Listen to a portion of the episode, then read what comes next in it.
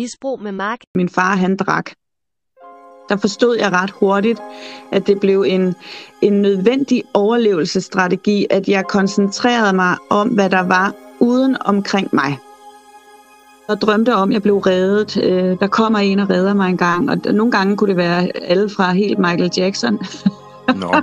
altså du ved, at nu han får øje på mig en dag, og så kommer han også og redder mig, eller det kunne være naboen. Øh, fordi det sker, det, det gentagelserne igen, Mark, ikke, vi snakker om, når det bliver gentaget og gentaget og gentaget, så bliver der lavet et mønster. Ikke? Det, fordi det sker, det der er så fantastisk dejligt, det er jo muligt at overskrive de gamle mønstre, vi har fået med os. Det er muligt. Think about um, the generations and to say we want to make it a better place for our children and our children's children so that they they they they know it's a better world for them and think they can make it a better place. Det er fredag den 21. januar 2022, og jeg vil gerne sige velkommen til endnu et afsnit af min podcast Misbrug med Mark. Det er fredag, og jeg har fået lov til at starte den her weekend på en helt vidunderlig måde. Jeg har nemlig haft en fantastisk gæst i min podcast. Hun hedder Jill Liv Nielsen. Det kan være, du kender hende. Hun vandt Big Brother tilbage i 2001. Men endnu mere væsentligt er at sige, at hun er et helt fantastisk og vist menneske. En knaldhammerende dygtig psykoterapeut, og hun har lavet en rigtig, rigtig spændende bog, jeg synes alle skal læse. Den hedder Liv, og den handler om et liv med masser af modgang og hvordan man overkommer det. Jeg har endnu ikke lavet et afsnit uden der er tekniske problemer, og det er selvfølgelig også sket i det her afsnit. Så på min del af interviewet, der er altså noget feedback. Jeg håber, du vil hænge i, for det bliver bedre og bedre undervejs i afsnittet. Jeg laver altså den her podcast på en og alt, der har med den her podcast at gøre, om det så er interviewdelen eller redigering, reklame på Facebook, det laver jeg på en gammel iPhone. Øh, jeg vil ønske, at jeg havde noget bedre udstyr, så jeg kunne levere en podcast til jer i den bedste kvalitet.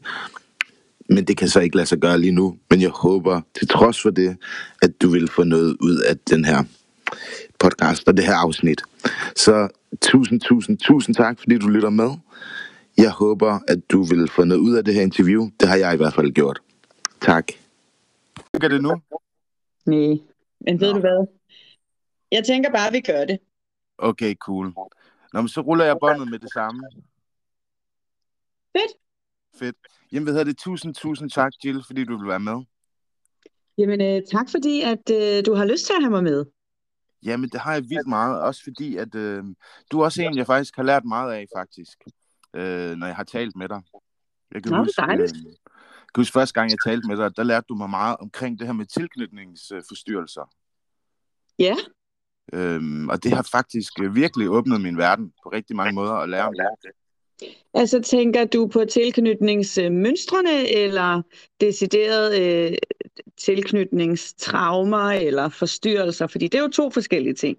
Nå, altså det du lærte mig om, det var omkring det her med, at man kunne være ængstelig anlagt for eksempel, eller undvigende.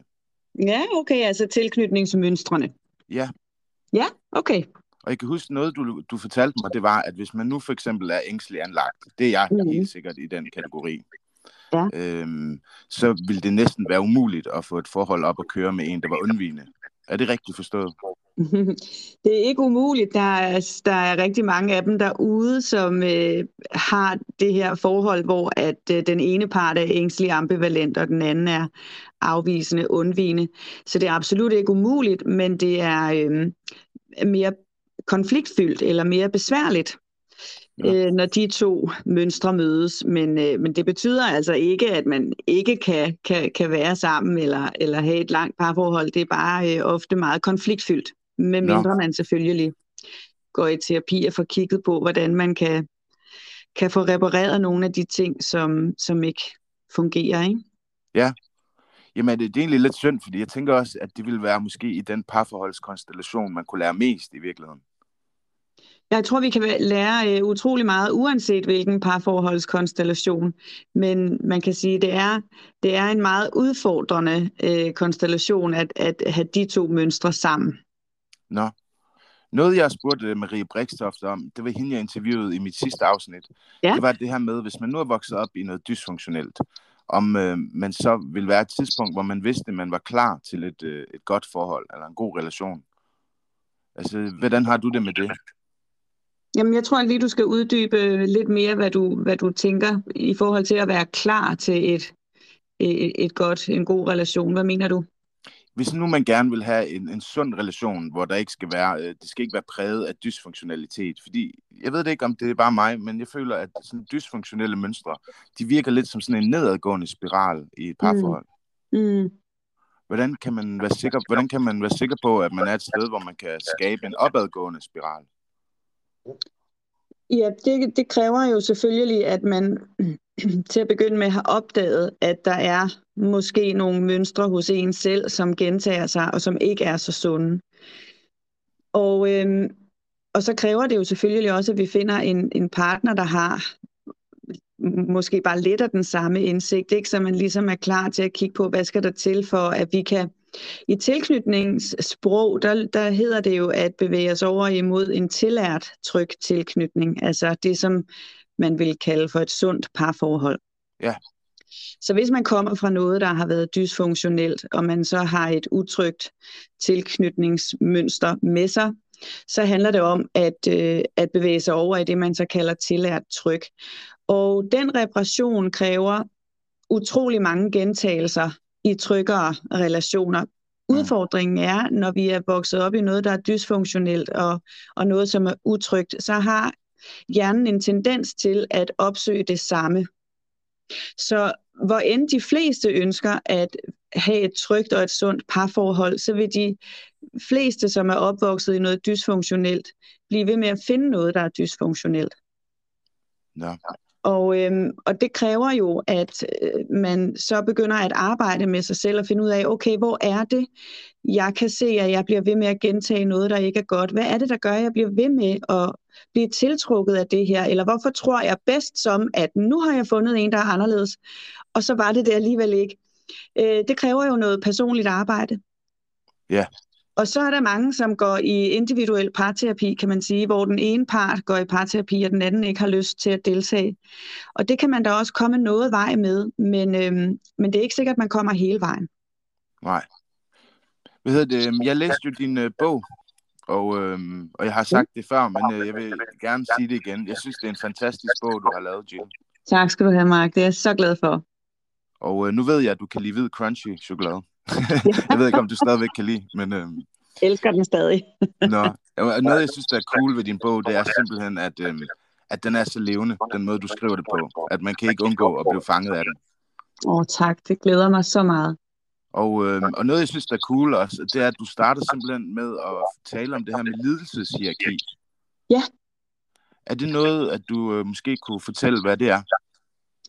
Ja, Øh, der er en tendens, øh, særligt har jeg set det meget hos unge, øh, som vokser op i de her dysfunktionelle familier, og nu har jeg jo arbejdet rigtig meget med, med unge og voksne, der vokser op med misbrug øh, og overgreb osv. Og, og de har altså en tendens til at kigge ind i et lidelseshierarki, hvor at, øh, at den, der har haft det værst i situationstegn, har ret til at have det aller dårligst. Altså så må man være allermest ked af det. Hvis man, det kunne for eksempel se sådan ud, at der kunne sidde en ung i en gruppe, hvor at mor og far har drukket, måske øh, primært i weekenderne, men ellers har været velfungerende osv. i ugedagene. Og så øh, satte den her unge sig op i det her lidelseshierarki imod nogen, som måske var blevet slået eller var blevet misbrugt. Mm. Og så kunne de så sidde og tænke, så har jeg egentlig ikke rigtig ret til at være her, fordi mit har jo ikke været lige så slemt. Ja. Og så kan jeg ikke tillade mig at, at, at, at sige, at jeg har det svært. Fordi de andre må jo have det sværere end mig. Og det er et ledelseshierarki, der egentlig øhm, ikke eksisterer. Fordi vi kan ikke sige, at, øh, at nogen øhm, senfølgemæssigt har det sværere end andre. Der er selvfølgelig stor forskel på omsorgsvigtets karakter og udseende, kan man sige. Ikke? Jo. øh, i selve opvæksten, fordi der er der forskel på, øh, hvor, hvor, hvor meget der er blevet drukket, om en eller to forældre øh, har drukket, om der har været vold eller seksuelle overgreb osv. Det er der selvfølgelig en, en stor forskel på. Men når man kigger senfølgemæssigt, altså når de unge vokser op og bliver ældre, hvad de kæmper med, ja, så er der faktisk ikke særlig stor forskel på, om man har haft en eller to drikkende forældre. Om man er blevet slået eller ikke blevet slået. Nej. Altså, så, så, så kæmper de sådan set med, med mange af de samme tematikker, og de har det øh, meget ens i forhold til at lide af altså traumatisk stress, kan man sige, tilknytningsrelateret øh, stress, øh, angst, dårligt selvværd, lav selvtillid, øh, selvskadende adfærd, altså alt, hvad der kan være senfølger, har de øh, meget ens, uanset hvordan øh, misbruget har set ud i opvæksten. Ja, jamen det giver god mening for mig, og, jeg, og på den måde synes jeg også, det er fedt, at du starter bogen med lige at fortælle om det. Fordi når man faktisk læser, og altså jeg vil sige, øh, jeg synes da ikke, jeg overdriver, hvis man kan sige, at du har haft en lidt barsk omgang som, øh, som barn og ung menneske. Det, det er absolut ikke en, en overdrivelse. Det, det var en barsk omgang. Og, øh, og når man læser om det, så kan man jo godt blive fristet til at tænke, ah, men det jeg så har oplevet, det er jo nok ikke så slemt. Så, så på den måde synes jeg, det er mega fedt, at du starter bogen med det. Ej, det er virkelig betydningsfuldt for mig, at du siger det, fordi det var netop øh, meget hensigten, at, øh, at alle skal kunne læse min bog og finde sig selv i den, uanset om de har en historie, der ligner min, fordi jeg jo netop ved, at vi kan kæmpe med det samme. Ja, og når du skriver så levende, så, så men det jeg også kan, øh, jeg fik det også sådan lidt, fordi du skriver netop så levende, at øh, det slog mig, hvor, hvor lidt det også nogle gange, altså hvor meget der egentlig påvirker et barn. Ja. Altså hvor levende et barn ser verden i virkeligheden. Det, det tror jeg måske, jeg havde glemt lidt som voksen, og det, det kom jeg i tanke om, da jeg læste din bog. Ej, hvor fint. Øh, men så det er jo også faktisk, godt, altså lige når du siger det der, Mark, ikke, så kommer jeg sådan til at tænke på, det oplever jeg rigtig ofte, at øh, når vi vokser op og kigger tilbage på vores opvækst, så, øh, så kommer vi jo tit til at kigge tilbage på det med de voksne øjne, vi har i dag. Ja. Og derfor kommer vi også til nogle gange at bedømme det med de voksne øjne, og, og særligt os selv i forhold til, øhm, at vi ikke kan forstå, at der er ting, vi måske har gjort, eller ikke har gjort, eller ikke har sagt fra overfor, fordi vi, vi sidder som voksne i dag med alle mulige øhm, kompetencer og ressourcer, som vi har i dag, men som vi jo ikke havde dengang. Det er faktisk så sjovt, du siger det, og endnu, det tænkte jeg faktisk præcis også, mens jeg læste din bog. Fordi i din bog på et tidspunkt, der er der en af dine veninders mødre, der ringer til din mor. Ja. Og udtrykker noget bekymring. Ja. Øh, fordi du ikke har lavet lektier, hvis nok, og sådan nogle ting. Mm-hmm. Og så tænkte jeg, hvis man var et barn, og man oplever det, så tænker man bare, fuck, hun er irriterende med venindes mor, og hun skal ringe og blande sig, eller et eller andet. Mm-hmm. Og når man så ser det, eller hører det med voksne øjne, så, så, så, så tænker man, wow, sikke en, øh, en god kvinde, der har haft noget omsorg der. Ja, præcis. Det kan se meget forskelligt ud, og det øh, med, ud fra hvilke øjne vi ser det, ikke? Og derfor så, så er det også ret vigtigt at forstå, netop som du siger det der med, ja, der var måske nogle ting, jeg havde glemt, nogle nuancer, nogle følelser, som vi sidder med med voksne. Vi, vi kan have svært ved at forstå måske, hvor bange vi egentlig har været som børn. Ja. Fordi vi lige pludselig glemmer, at vi øh, kun var 45 cm høje. Ja. og, øh, og stod og kiggede op af en voksen, der var tre gange så stor, ikke? Jo. Altså, hvor at det der med at forstå, hvorfor, hvorfor sagde du ikke bare fra, eller hvorfor blev du ikke bare, altså hvorfor gjorde du ikke bare et eller andet, ikke? Altså det der med lige at sætte sig ned på knæ nogle gange og kigge op, og så kan man måske nogle gange lige få fat i de der barneøjne, ikke? Og så kan man forstå, puha, hvor har det været voldsomt egentlig at se verden ned fra det her perspektiv, ikke? Jo. Hvor har jeg skulle stå og jonglere med meget i, i en alder, jeg, hvor jeg slet ikke havde de kompetencer og ressourcer. Hvad hedder det? I forhold til det her med ledelseshierarki, en måde, jeg også oplever det på, på en uhensigtsmæssig måde, det er det her med, at hvis jeg har talt om noget nogle gange, så har jeg også oplevet nogle folk sige, Nå jo, men det var da ikke så slemt, eller ja, netop altså sådan noget med, at Nå, men det, der er der folk, der har oplevet ting, der var værre end dig, Mark. Eller, og så bliver det ligesom ikke legitimt lige pludselig at tale om de ting, der var. Ja, det bliver lidt negligeret. Ja, og, og men, er der, men kan det ikke også noget i virkeligheden, det her med sådan at se os selv i kontrast til noget, og så tænke, nå ja, okay, så var det trods alt ikke værre. Altså, har det ikke også en kvalitet dog? Øhm, det, det synes jeg selv, du må afgøre. Jeg, jeg, jeg ved ikke rigtig, hvad man skal bruge det til. Jeg forstår godt det der med, øh, rejs dig nu op og kom videre. Ja. på en eller anden måde. Ikke? Og øhm, altså, det kan, jeg, det kan jeg vel være brugbart i, i nogle situationer som voksne, at man, øh, at man perspektiverer det lidt, men hvis der er noget, der skal repareres, hvis der er noget, der skal heles, jamen øh, så nytter det jo ikke noget, at vi sidder og tænker på alle de sultne børn i Afrika, eller eller de børn i, i Thailand, som, som bliver misbrugt øh, dagligt på daglig basis. Altså, hvad hjælper det mig her, det er lige nu, i min ledelse, hvor jeg har brug for at blive mødt, set, hørt og forstået? At jeg, jeg har brug for at blive erkendt på et, et følelsesmæssigt dybt plan. Og, og jeg kommer ikke hverken repareret eller helet ud af det, ved at forestille mig alle mulige andres lidelse. Det er, jamen, jeg er fuldstændig enig, og jeg skulle også lige lege djævelens advokat lidt. fordi uh, som udgangspunkt er jeg så enig, fordi jeg har virkelig oplevet, at uh, jo mere jeg hører omkring dysfunktionalitet og andre, der har oplevet det, jamen, uh, så bliver jeg mere og mere hvad kan man sige, sikker på, at, uh, at der har været nogle ting i mit eget liv, der ikke har været optimalt. Ja, og, og, og det er også det her med, altså, altså det, er jo, det er jo egentlig en super irriterende måde at blive mødt på ja. af andre. Og, og jeg, jeg tænker tit over, øh, jeg var øh, faglig konsulent på en kortfilm om øh, netop øh, en, en lille, et lille barn, der voksede op med en alkoholisk mor.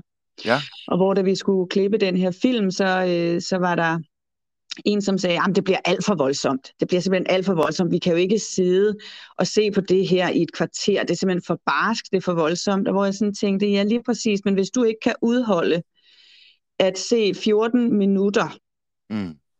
øh, og så sætter det i perspektiv med, hvad det her barn har levet i 14 år, så er det jo en anden samtale, vi skal have. Og tilbage til det, du så siger, jamen hvad er det egentlig, der rører sig i folk, når de får brug for at lukke folk ned på den måde? Er det fordi, at der opstår så meget ubehag inde i dem, at de ikke kan holde ud og høre om, hvordan det var for dig, at de får brug for at lukke dig ned og sige, der er jo nogen, der har haft det værre, end du har? Ja, Ja, det har jeg oplevet meget, og man kan sige, det, og der er et eller andet skæld i det, altså fordi på den ene måde, så øhm, jeg må sige, det har været irriterende at blive mødt af den der. Og jeg, jeg er især blevet det, fordi at jeg sådan udadtil materielt har haft det godt. Mm-hmm. Og det gør det meget svært for folk at se, at der kan være nogle følelsesmæssige ting, der har været svært. Ja, Ja, lige præcis. Altså, du det er det, folk refererer til. Undskyld. Du havde jo alt, hvad du bad om. Ja, jeg havde det måske materielt, men alle de følelsesmæssige behov blev måske ikke dækket. Nej, nemlig, og så tænker folk, nå ja, men du var der både på ferie og det ene og det andet. Men, øh, men det kan jo selvfølgelig ikke erstatte at have en øh, følelsesmæssig stabil opvækst. Nej, på ingen måde. Øh, hvordan, altså når man læser de her ting, du har været igennem mange barske ting, hvad er det, der gør, at du øh, ligesom har klaret dig så godt, og hvordan gør man det, hvis man har sådan en baggrund? Ja, jeg tror, hvis jeg havde sådan den, den helt enkelstående opskrift, så, så ville jeg være meget rig, ikke? jo. For, øh, fordi det, det, det afhænger jo meget af, tænker jeg også, som jeg også skriver lidt om i min bog, altså, hvad var der også omkring mig? Altså når vi kigger på det her med en, en dysfunktionel opvækst, og også tilbage til alt det her med lidelseshierarki, jamen, så er vi jo nødt til at kigge på, jamen altså, hvor længe stod det på? Hvem var ellers omkring? Hvilke mennesker? Øh, altså var der nogen trygge figurer overhovedet noget sted, eller var der kun utrygt osv.? Ikke? Jo. Øhm, og, øhm, og jeg tror på en eller anden måde har jeg været øhm, så, så har jeg været god til ja, uden jeg faktisk egentlig helt selv er klar over det endnu, altså det her med at, at øh, finde håb og mening altså som en overlevelsesstrategi. Altså, øh, jeg har, jeg har, jeg har, jeg har drømt, altså dagdrømt meget, jeg har fantaseret meget om, hvordan det hele nok skulle blive godt igen. Altså på en eller anden måde har jeg fundet nogle ressourcer i at løfte mig selv. Tænke positivt, finde, finde positive øh, små ting, jeg kunne knytte mig til. Altså, men, men jeg, havde, jeg brugte meget fantasi i min opvækst. Altså jeg, jeg fantaserede mig meget ofte væk til, til, øh, til ting, der var bedre, drømte om, at jeg blev reddet. Øh, der kommer en og redder mig en gang, og nogle gange kunne det være alle fra helt Michael Jackson. No. altså du ved, at nu han får øje ja. på mig en dag, og så kommer han også og redder mig, eller det kunne være naboen. Altså du ved, de der fantasier. Ja. øh, brugte jeg rigtig meget i forhold til at kunne øh, komme væk og drømme mig til, til, til noget, der var bedre. Og det, det, det har været en stærk kraft i, i mig. I forhold Jamen, til at komme væk fra noget, der har været smertefuldt. Noget, ja, fordi altså noget, jeg synes, der, der er super fedt i din bog, er også det her med, at du skriver om, også at der var en rigtig mange gode stunder. Både Ja. hjemme med dine bedsteforældre, men også så sandelig med dine øh, forældre. Ja. Og, øh, og det synes jeg er det, der gør det så svært, sådan noget her. Altså, fordi jeg har det jo på samme måde med min opvækst, at øh, hold fast, hvor var der øh, meget, der var bare helt vildt godt, og øh, super godt endda. Øh, men, og det synes jeg kan gøre det svært, eller jeg kan i hvert fald føle en eller anden form for illoyalitet, for så at snakke om det, der ikke var godt. Ja. Men, men det er jo ikke illoyal, fordi, der, fordi øhm, altså det sådan betragter jeg det i hvert fald ikke. Det er jo en, en fortælling om, at der var det ene, og så var der også det andet. Ja. Og øh, der er ikke nogen af delene, der, op, der ophæver det andet. Nej. Så, så ved at jeg taler om det gode, betyder det ikke, at det dårlige forsvinder. Og ved at jeg taler om det dårlige, øh, øh, at jeg taler om det dårlige, betyder det ikke, at det gode forsvinder. Nej, Men vi skal kunne tale om begge dele. ja, men du har da så ret. Hvad hedder det? Du taler også på et tidspunkt, noget, der også er fedt ved din bog, det er, at du opsummerer nogle kapitler med nogle, øh, nogle fagligheder, eller faglige input. Mm-hmm. Og øh, på et tid, jeg mener, en af de første faglige input, du kommer med, det er omkring indre styring og ydre styring. Ja.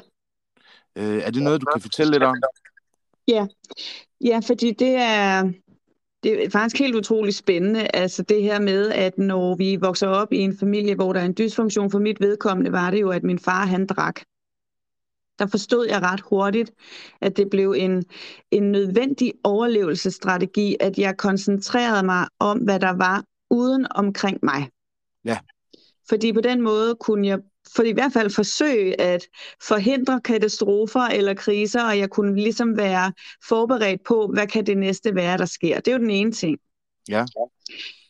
Den anden ting, og som er helt essentiel for det her med indre styring og yderstyring, det er, at hvis jeg for eksempel talte fra min inderside, Ja. forstået på den måde, hvis jeg ytrede følelser, eller øh, tanker, behov, grænser, øh, kropslige øh, øh, fornemmelser fra min inderside. Ja. Det kunne være noget, noget helt så klassisk som, at jeg slog mig over pegefingeren med en hammer i min fars værksted. Ja. Så vil jeg jo øh, typisk begynde at græde og sige, at det gjorde ondt. Øh, det jeg blev mødt med fra min far, det var jo noget, der kom fra min inderside her. Det jeg blev mødt med fra min far, det var så, ej hold op med det skæveri. Det gør Ja. jo ikke ondt. Altså stop med det der piveri. Stop. Jeg gider ja. ikke at høre på det. For eksempel, ikke? Jo.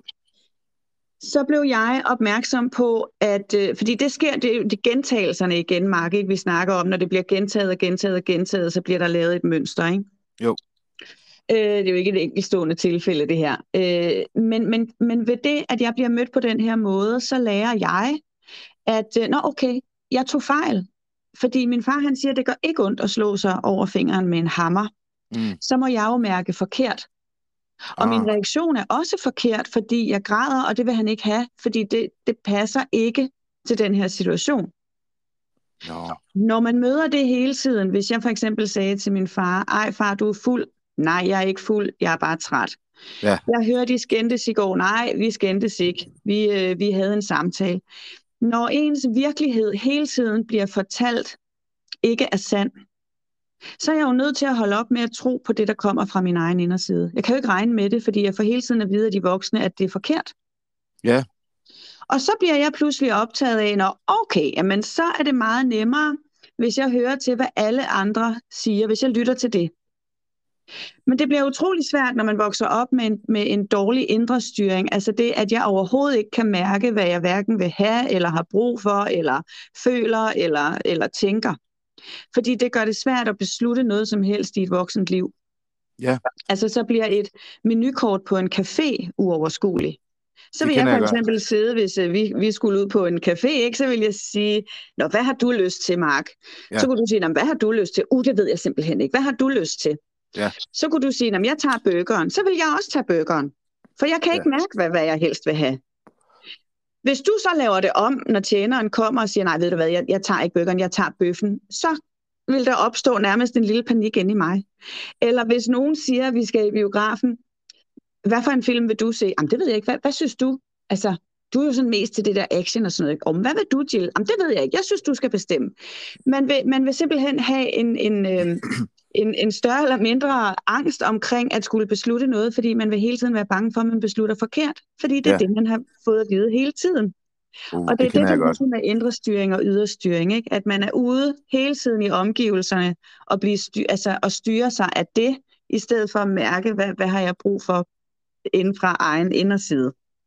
Nå, hvor er det cool, og hvor er det godt forklaret. Jamen altså, jeg kender det utrolig godt, og ikke alene det, så når jeg typisk, når jeg så har, øh, sådan har jeg det ikke så meget mere, men når jeg, på et tidspunkt havde jeg det sådan, når jeg så havde siddet med det der menukort i en halv time, mm-hmm. når jeg så havde valgt, så fortrød jeg det også altid, at jeg skulle nok have taget pastaen, jeg skulle nok.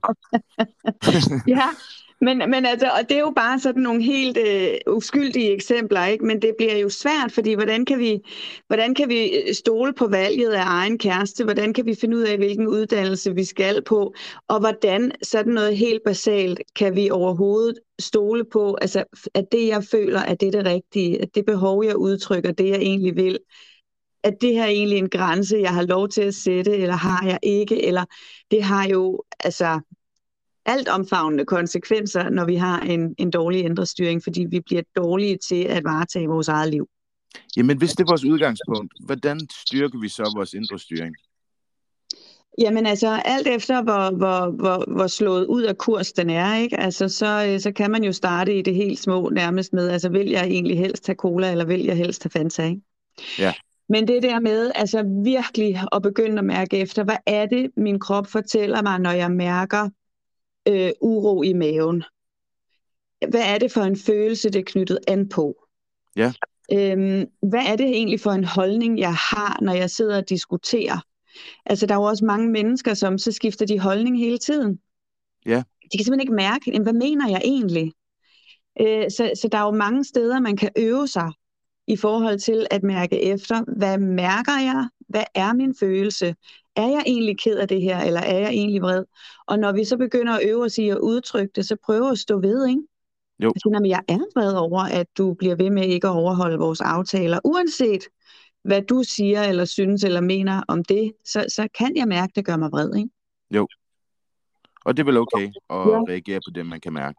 Og reagere på det, man kan mærke. Ikke? Og, og hvis du falder og slår dig, og du synes, det går ondt, jamen, så gør det sgu ondt. Ja.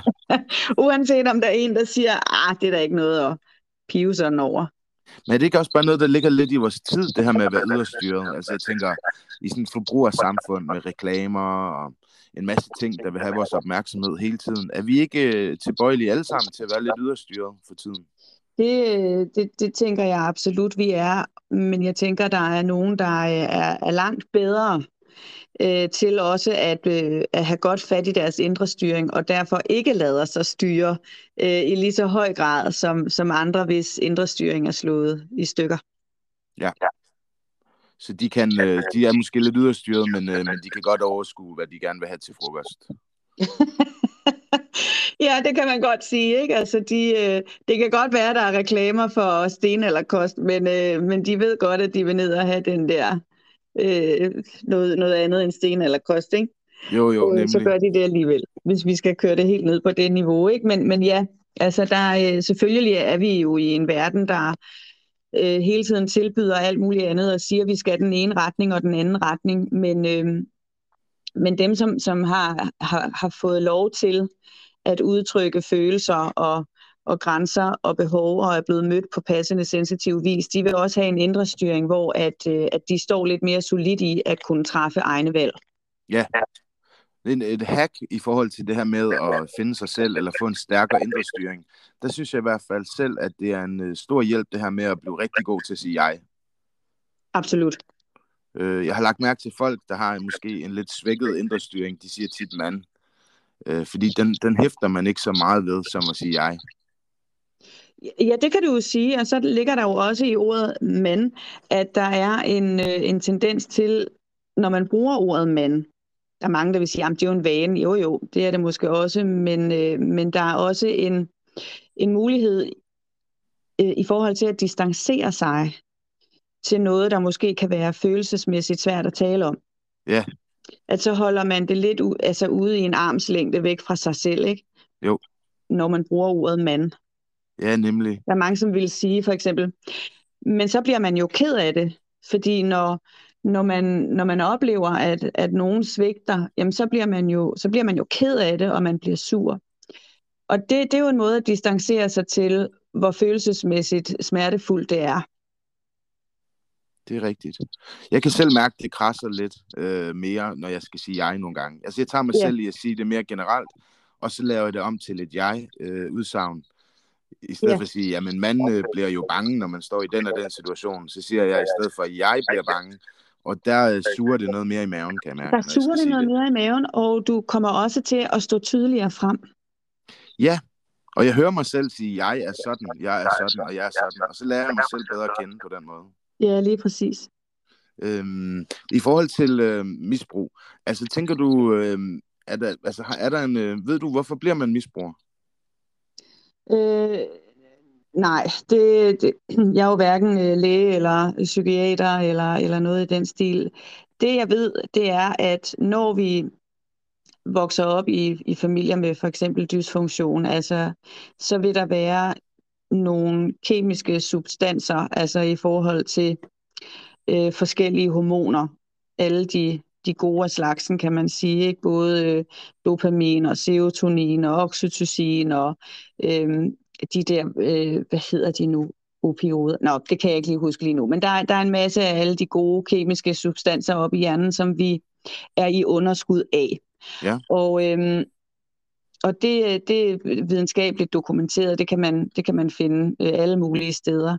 Og så kan man selvfølgelig, når man tænker det på den måde, godt forstå, det er jo alle de smertestillende, de glædesgivende hormoner, vi er i underskud af.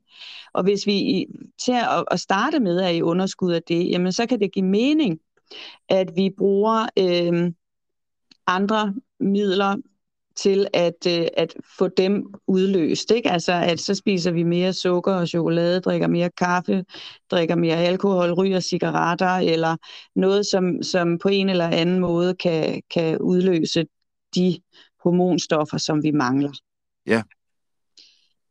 Og så er der jo nogen, som også øh, er i underskud af de her biokemiske substanser helt fra start, og som ikke udvikler et misbrug. Og, øh, og det, det har jeg simpelthen ikke viden nok øh, på området til at sætte mig ind i, fordi det kræver lidt mere lægefaglig uddannelse, end, end det jeg har. Jeg er jo psykoterapeut.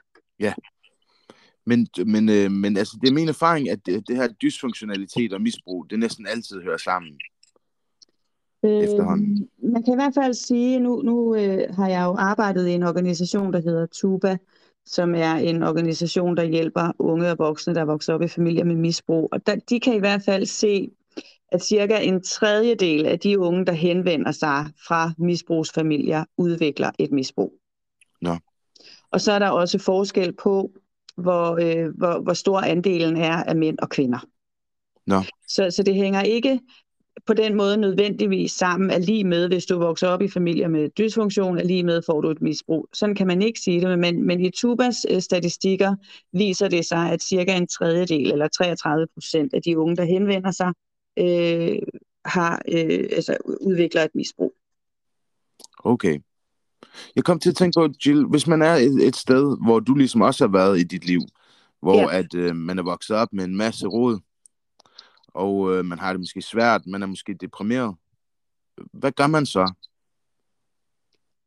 Det, øh, altså, jeg kan jo fortælle, hvad jeg har gjort, fordi jeg ved ikke, hvad man gør, men det, jeg har gjort, det er, at øh, jeg satte mig i en øh, terapistol første gang som 18-årig. Mm. Og, øh, og der har jeg siddet siden. altså, jeg har gået utrolig meget i terapi, og det er absolut anbefalesværdigt.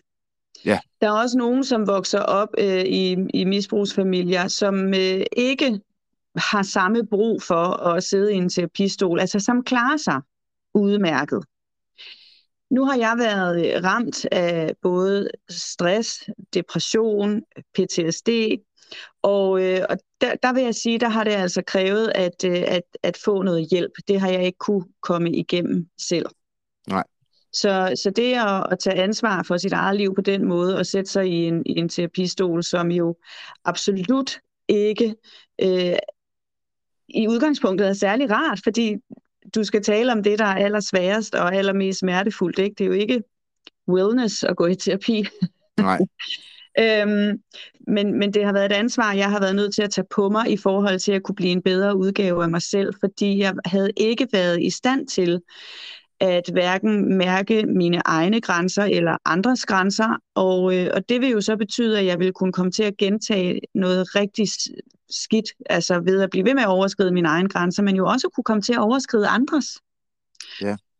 Øh, og, og det her med at, at få, få, få lethed og, og glæde ind i hverdagen, øh, ikke at rende rundt og, og være nervøs for, at, at verden var et, et dårligt sted, og jeg ikke kunne regne med andre mennesker, og folk ville mig det ondt. Og, altså alle sådan nogle ting har, har, øh, har været væsentligt afgørende øh, for mig i forhold til at opsøge terapi og få det, få det modsat, ikke? så jeg netop kunne gå ud i verden og, og tænke, det, det er jo i virkeligheden et godt sted at være, og, og folk vil mig det i overvejende grad godt og har gode hensigter, og jeg kan stole på folk, og jeg kan også stole på mig selv og have tillid til, at jeg kan træffe de rigtige valg. Ikke? Jo. Men det er jo så svært at møde, øhm, altså det her med at, øh, at hele sig selv, for eksempel i en relation, som vi talte om i starten. Ja. Altså det er virkelig svært, fordi man møder, men der er jo den her, lidt, måske er det en kliché, men måske er det rigtigt, det her med, at man møder nogen der, hvor man er, hører man tit. Ja. Så det vil sige, hvis man er et skidt sted, så møder man også nogen, der er et skidt sted. Ja. Og øh, det gør det vel rigtig svært at hele, altså at komme... Ja, altså det er fordi, jeg talte med en lidt tidligere i dag omkring det her med, hvorfor bliver kvinder for eksempel i voldelige forhold? Ja.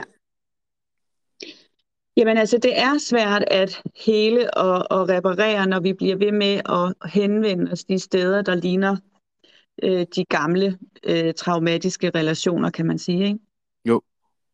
Øh, og, og det er jo der gentagelsestvangen opstår, at, at hjernen øh, vil rigtig gerne reparere de gamle traumer. Og så stiller den sig derhen, hvor den genkender det og tænker, så kan jeg reparere det nu. Og, øh, og det kan den ikke. Vi kan ikke reparere barndommens traumer og, og mønstre i relationer, der ligner det fuldstændig. Nej. Så det her med at udsætte os selv for nye, korrigerende relationelle erfaringer, det er der, vi skal hen. Ja. Og den vej er svær, for, fordi det er ikke en, en hvad kan man sige, en, en, en firesporet, bred, oplyst motorvej. Det er ikke det spor, vi kører ud af. Nej. Der skal vi ned ad en snirklet, mørk, hullet sti, der ikke er belyst, og det gider hjernen ikke. Den gider Nej. ikke det nye, fordi det bliver for besværligt. Den gør det, den kender. Det skal den bruge mindst energi på. Så når vi gør det, vi kender, jamen, så bliver vi ved med at henvende os de steder, der er usunde.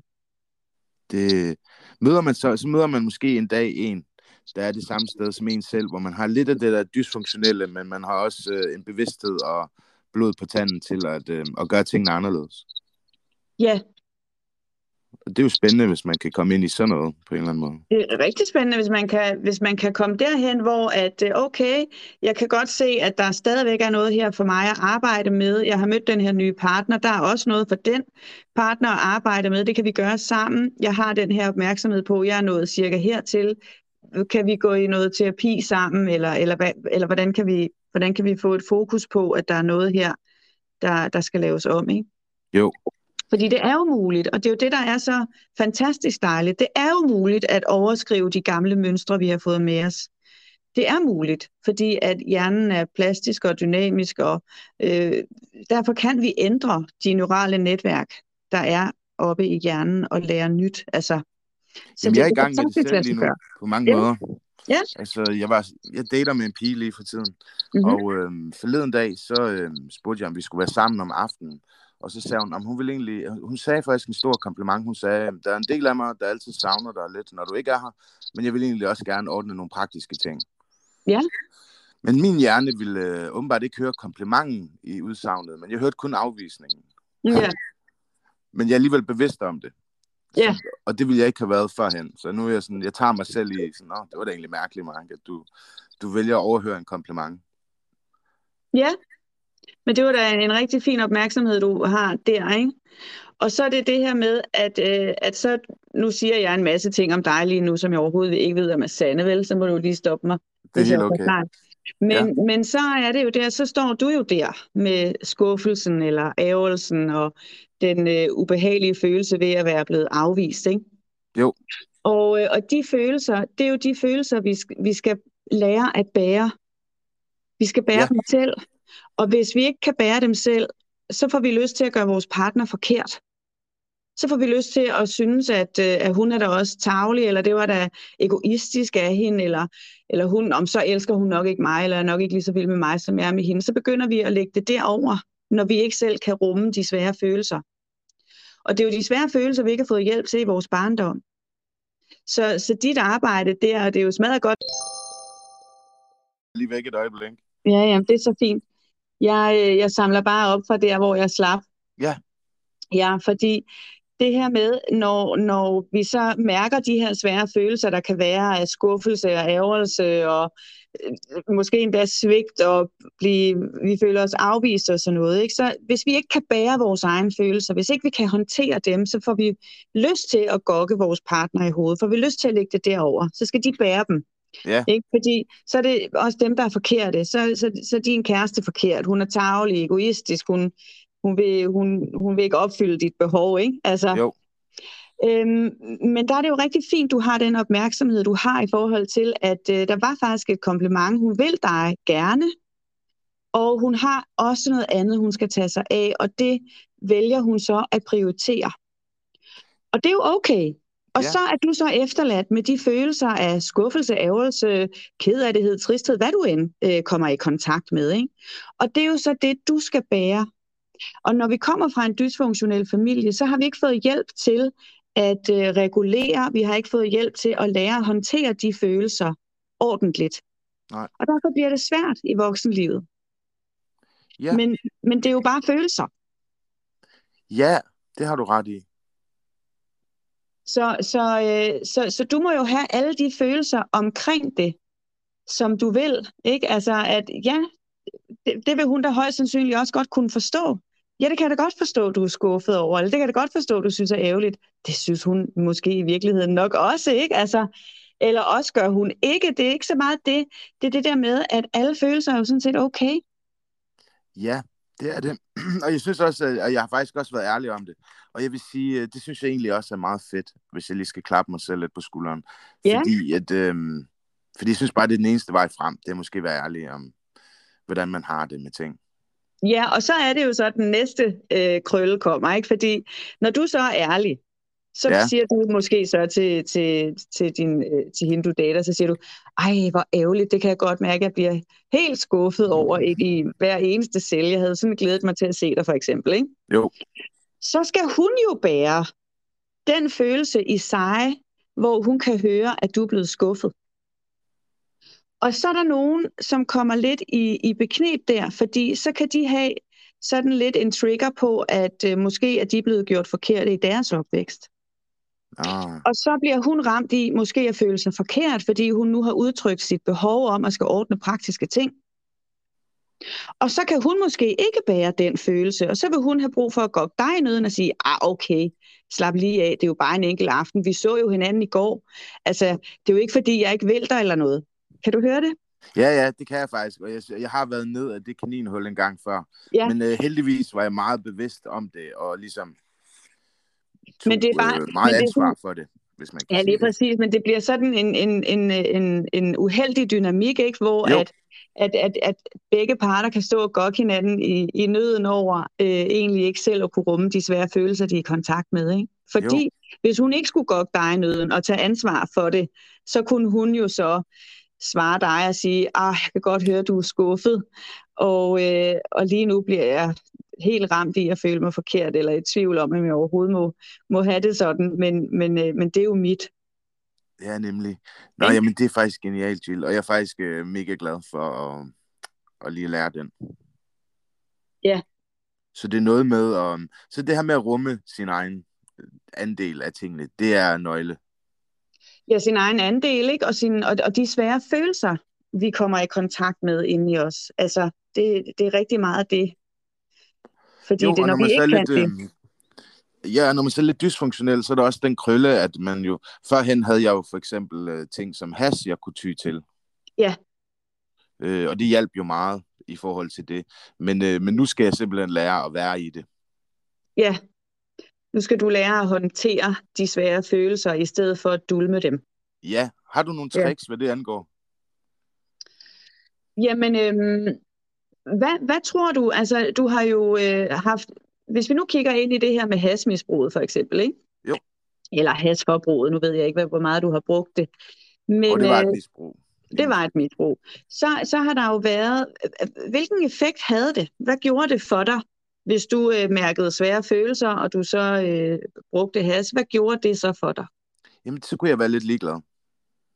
Okay, hvis du ikke skulle være lidt ligeglad. Mm. Hvis du, altså det er fordi, jeg tænker, det må jo have haft en beroligende effekt. Ja, helt vildt. Altså, jeg kunne øh, opleve noget svært, og så kunne jeg ryge en joint, og så kunne jeg egentlig have det sådan, at nå ja, så, ja, ja, så er det heller ikke værre. Og så kunne jeg være optaget af noget andet også. Og, ja. øh, jeg kunne ligesom, øh, på nogle måder havde det også nogle fordele, fordi mine følelser så ikke altid fyldte så meget. Mm. Så der var også nogle ting, jeg kunne se mere klart i virkeligheden, hvis det giver mening. Ja, absolut. Så på en eller anden måde var der noget beroligende, og der var også noget, der tog toppen af, af smerteniveauet, hvis vi skal kalde det sådan, ikke i forhold til at dulme. Og ja. der var en, en, øh, en flugtvej i forhold til ikke at håndtere følelsen. Ja. Ja.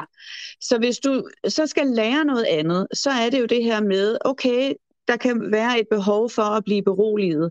Hvad kunne berolige dig i dag? Jamen det kunne måske være netop at udtrykke din partner øh, over for din partner, hvordan du har det, og blive mødt på en, en omsorgsfuld måde. Det kunne være at ringe til en ven.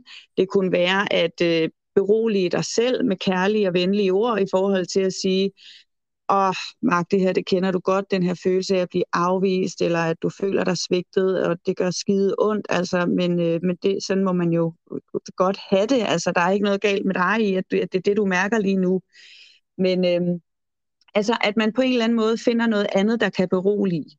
Ja. Og Jamen, så er der det, det her, det her ja. med, at øh, flugtvejen, ikke? Ja, den, øh, den er der jo ikke i forhold til, øh, til selve det at ryge has. Men der kunne jo være noget at kigge på, at jamen, måske behøver jeg ikke at flygte, fordi hvis jeg, hvis jeg går ind i følelsen og lige mærker den, og, og giver mig selv lov til at have det, som jeg har det, så vil den højst sandsynligt opløse sig. Ja. Altså behøver du ikke at løbe væk fra den. Så man og har lærer, at det går over igen. Ja, præcis. Altså, det vil fortage sig. Altså, der er jo ikke nogen mennesker, der græder for evigt. Nej. Jeg ser det i hvert fald ikke, at der går rundt, øh, folk rundt ud på fortorvet i, i kontinuerlig gråd. Tror du, mænd er dårligere til det end kvinder egentlig? Øh, at være i sine følelser?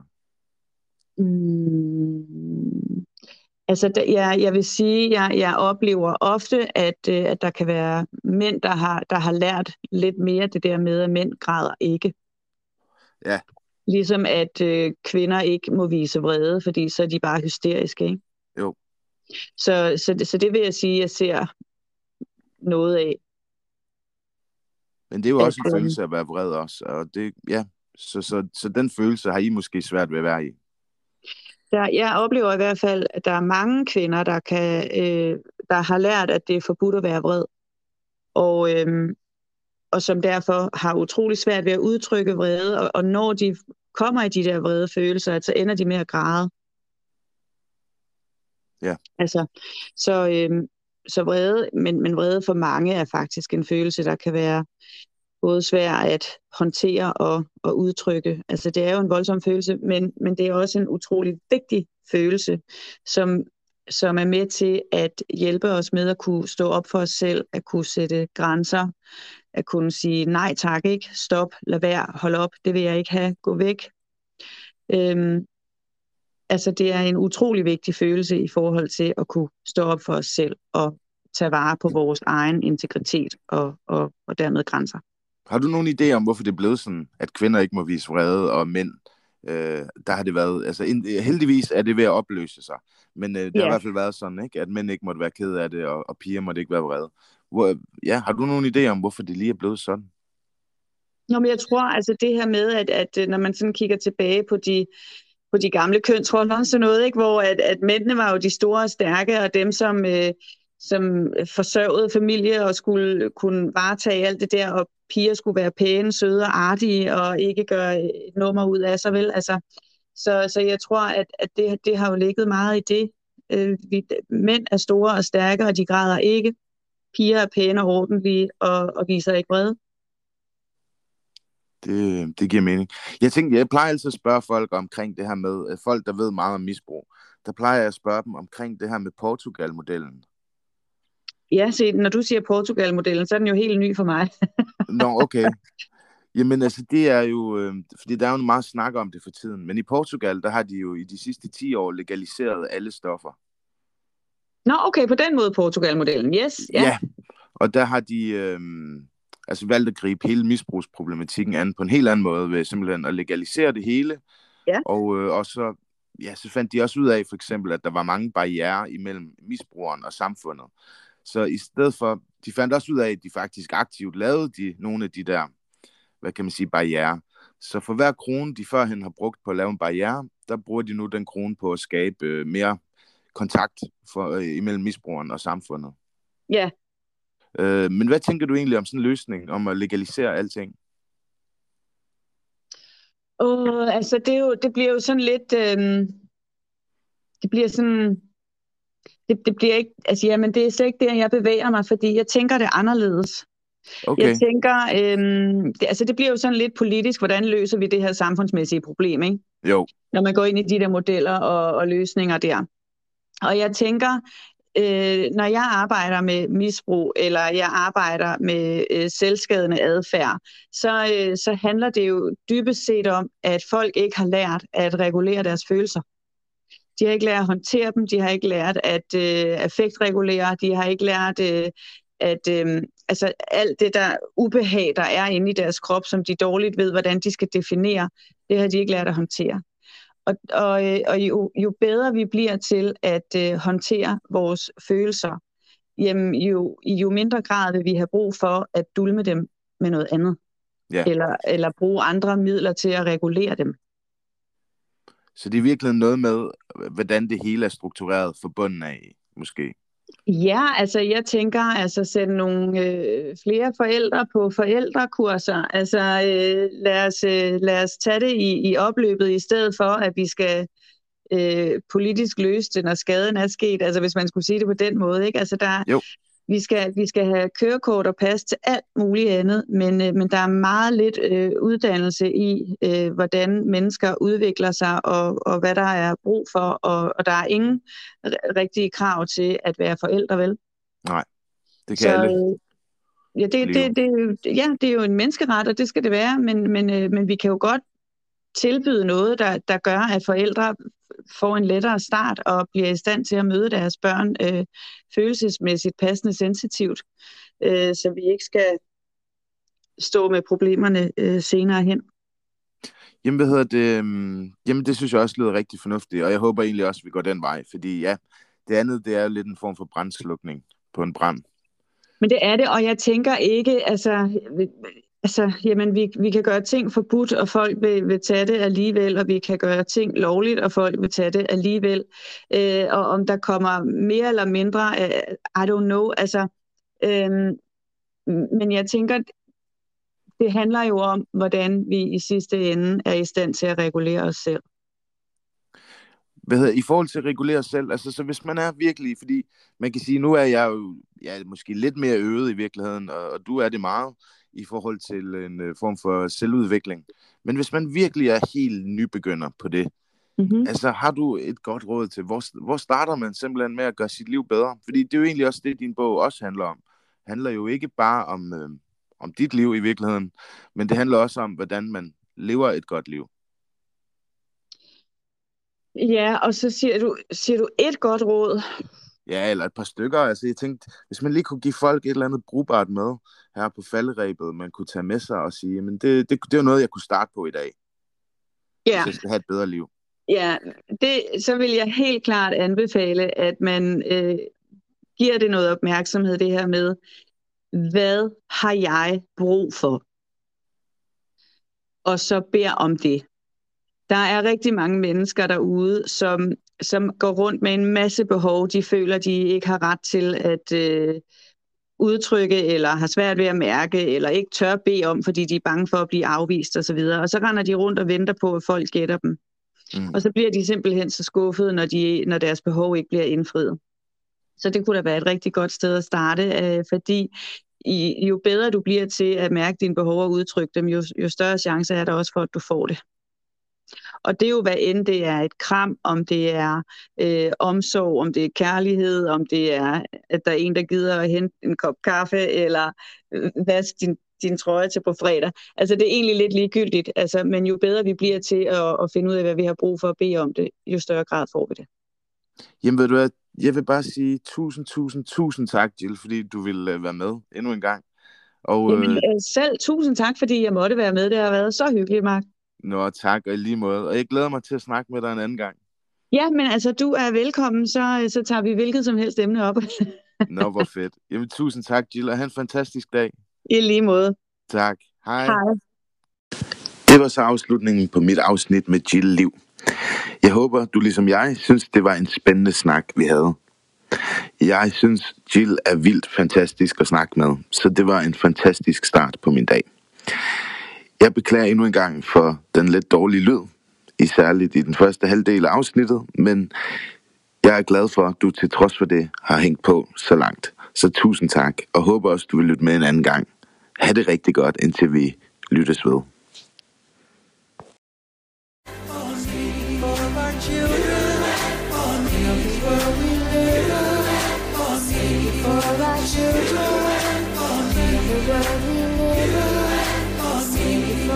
Children, for the world we live in, for our children.